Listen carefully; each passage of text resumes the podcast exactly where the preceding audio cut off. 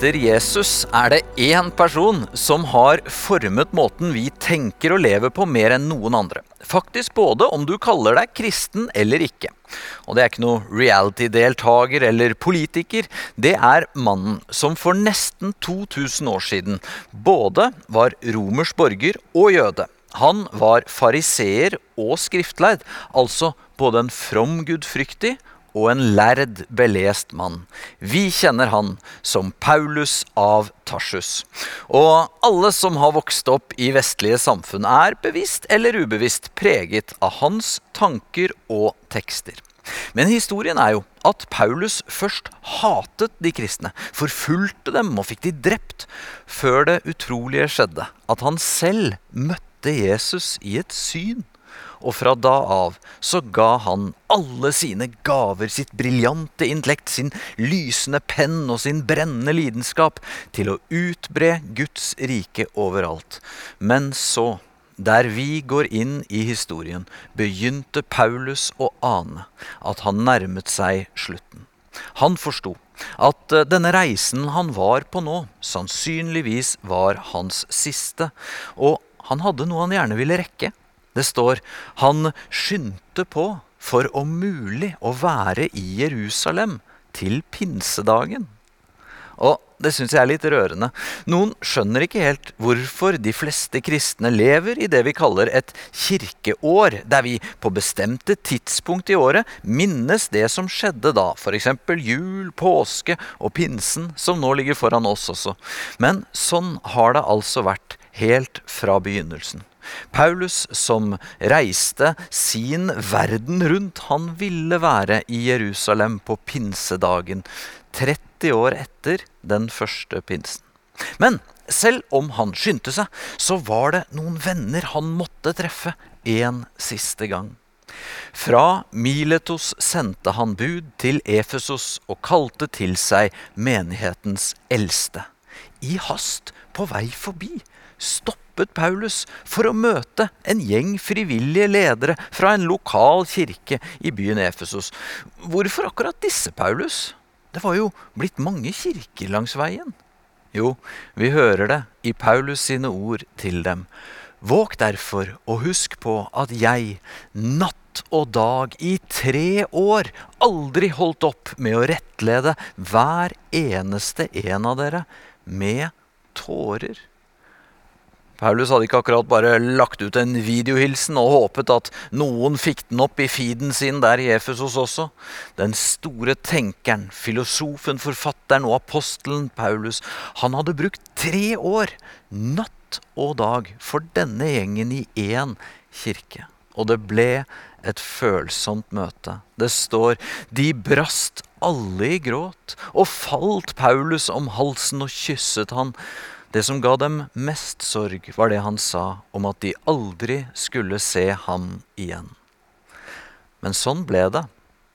Hva ville du sagt til noen hvis du visste at det ble det siste du fikk sagt? Hvis du skulle gi et siste råd Det blir ikke å huske lufting av sengetøy eller tanntråd. Da gjør det det. Paulus skulle gi sine kjære venner i Efesus en aller siste hilsen. Skal vi sjekke hva han valgte å si? Og nå overgir jeg dere til Gud og Hans nådeord, som kan bygge opp og gi dere arven sammen med alle dem som er blitt helliget. Gud og hans nådeord, hva er det? Jo, det er jo selve hovedsaken, det. Det som i et litt teologisk språk kalles evangeliet. At troen, tilhørigheten vår hos Gud, den er gitt oss som nåde, gratis, som det betyr. Og at det bare er nåden, nådeordet, som kan gi oss arven, altså det evige livet hos Gud, allerede nå og for alltid. Det var fint av Paulus å slutte med det. Ikke så overraskende, selvsagt. Man vil jo sikre at man har fått sagt det viktigste. Men så fortsetter Paulus denne aller siste hilsen med noe som kan virke litt malplassert og rart at han sier der. Han legger til. Jeg har aldri vært ute etter sølv eller gull eller klær fra noen. Dere vet selv at disse hendene har skaffet meg og medarbeiderne mine det vi trengte. Alltid har jeg holdt fram for dere at vi må arbeide på denne måten og ta oss av de svake. Husk de ordene Herren Jesus selv sa. Det er saligere å gi enn å få. Hva er greia? Først minner du de om kjernen, Paulus. Det er logisk og fint. Evangeliet, Guds gave til oss. Men så som det aller siste, så trekker du frem at vi skal leve sjenerøst. Hva er linken der, Paulus? Og er det virkelig så viktig å gi? Da kommer vi til det som er dagens tema. Av og til i gudstjenester så løfter vi frem praksiser kristne alltid har gjort. Vi kaller de hellige handlinger. For det er ting vi gjør, praksiser som former oss til å bli de vi blir. Og i dag løfter vi frem den hellige handlingen å gi. Og Paulus trekker altså fram akkurat denne praksisen i sin siste hilsen til vennene i Efesos. Men hva er sammenhengen mellom det første han sier om nådeord, og det å gi? Den danske filosofen Knut Eiler Løkstrup er kjent for sin håpefulle tese om menneskets spontane livsytringer. Altså det som er aller mest grunnleggende ved oss. Og Løkstrup mente at det var ting som tillit, barmhjertighet, åpenhet og håp. Og det er nok sant, det, altså. Men som småbarnspappa så må jeg innrømme at jeg begynte å tenke at å grabbe til seg selv er en ganske spontan livsytring, det også. Min, min! Den kommer kjapt, for å si det sånn. Og som voksne er vi ikke så mye bedre.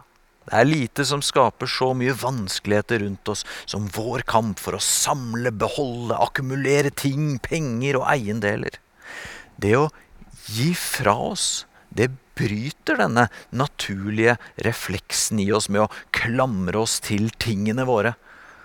Men hvordan skjer det, da, Paulus? Paulus sa jo at han hadde ikke vært ute etter noen sølv eller gull. Altså, han hadde ikke vært grådig. Men hvorfor må vi passe oss for å være grådig for å lære praksisen om å gi? Grådighet, det, er noe vulgært over det.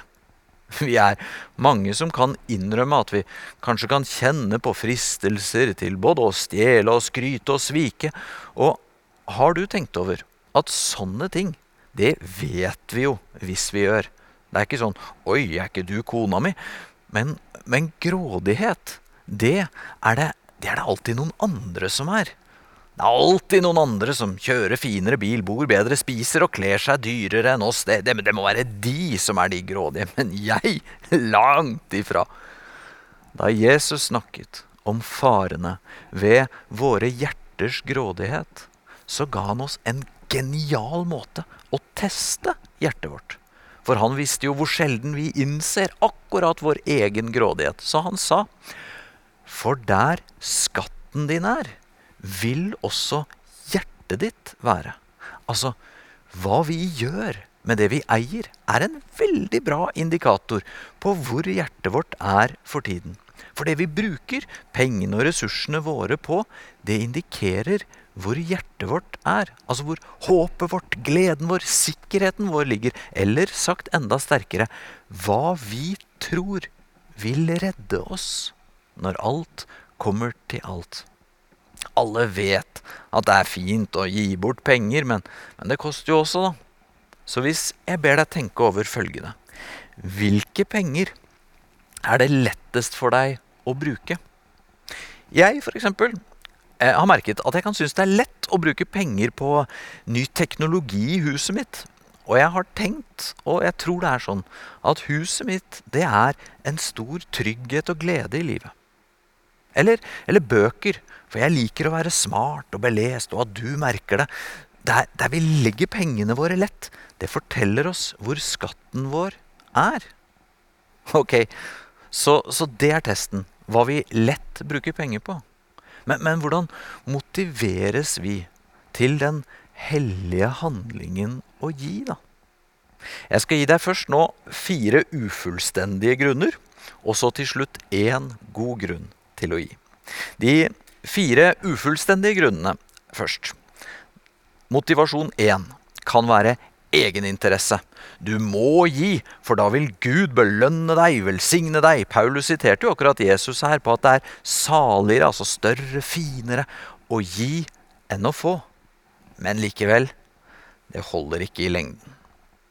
Motivasjon to da, kan være viljestyrke. Du må gi, for det har Gud sagt. Bibelen sier at det å gi er en naturlig side ved et kristent liv. Så nå må du vise at du klarer å være en god kristen. Men ingen klarer å ta seg selv i nakken hele tiden. Og det er slitsomt å leve som kristen hvis det alltid er motivert av min egen styrke. Motivasjon tre kan være følelser. Du må gi, for se alle behovene. Det fins så mange gode ting å gi til, og vi motiveres av det. Vi, vi, vil kanskje særlig gi til det som får oss til å føle oss aller best. En misjonær fortalte at faren hennes alltid ga henne penger som hun skulle gi til de fattigste av de fattige. Men så er det jo bare det at, at følelsene våre svinger, og så glemmer vi de, de fattige barna etter en stund. Motivasjon fire kan være fornuften. Du må gi, for det er det lureste du kan gjøre. Det fins organisasjoner som Effektiv altruisme, som har prisverdig initiativ som argumenterer logisk og fornuftig for at vi alle bør gi, og hvordan vi kan få mest mulig ut av hver krone vi gir fra oss. Og mye av dette kan jo i og for seg være fint. Men, og dette er et stort men, disse motivasjonene er ikke ikke sterke nok til å endre den spontane livsytringen, for å bruke Løkstrups uttrykk, i oss som roper 'min'.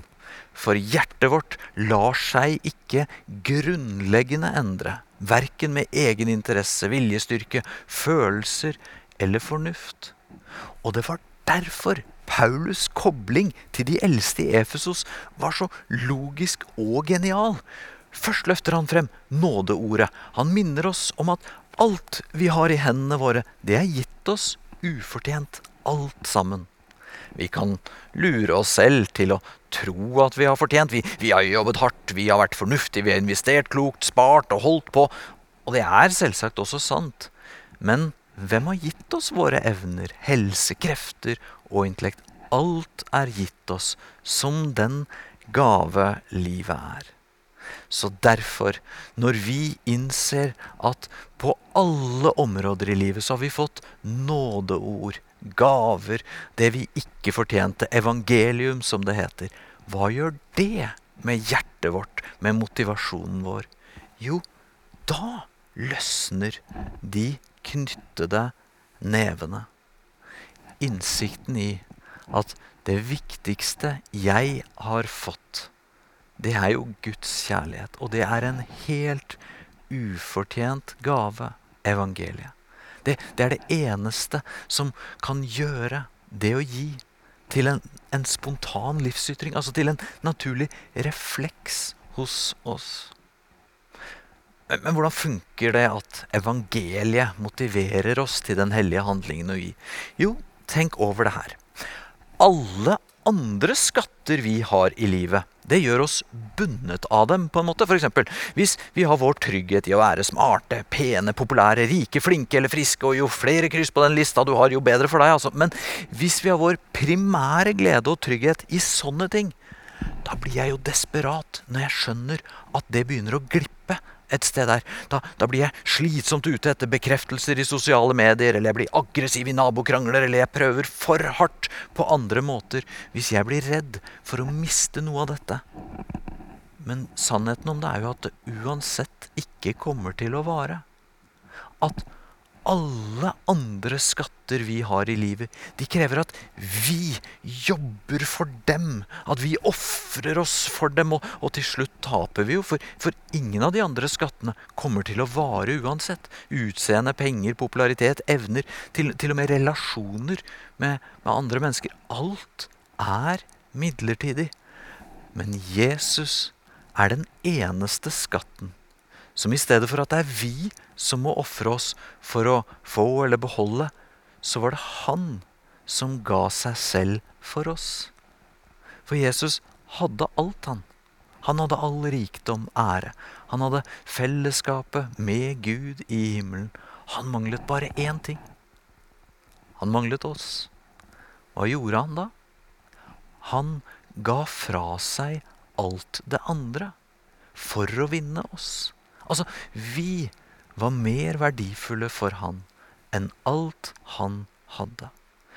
Og når vi reflekterer over det, når, når innsikten i det nådeordet får synke inn i oss, at vi var Jesus skatt, da blir Jesus vårt livs skatt.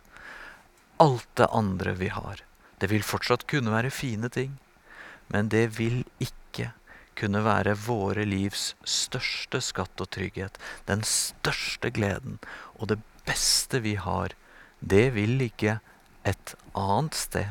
Nemlig som Jesus sa det, men dere skal samle skatter i himmelen, der verken møll eller mark ødelegger, og tyver ikke bryter inn og stjeler. Så venner, jo mer vi ser av Guds kjærlighet til oss, jo, jo mer grunnleggende blir vi motivert til den hellige handlingen det er å gi, og til å leve givende. Gud velsigne deg.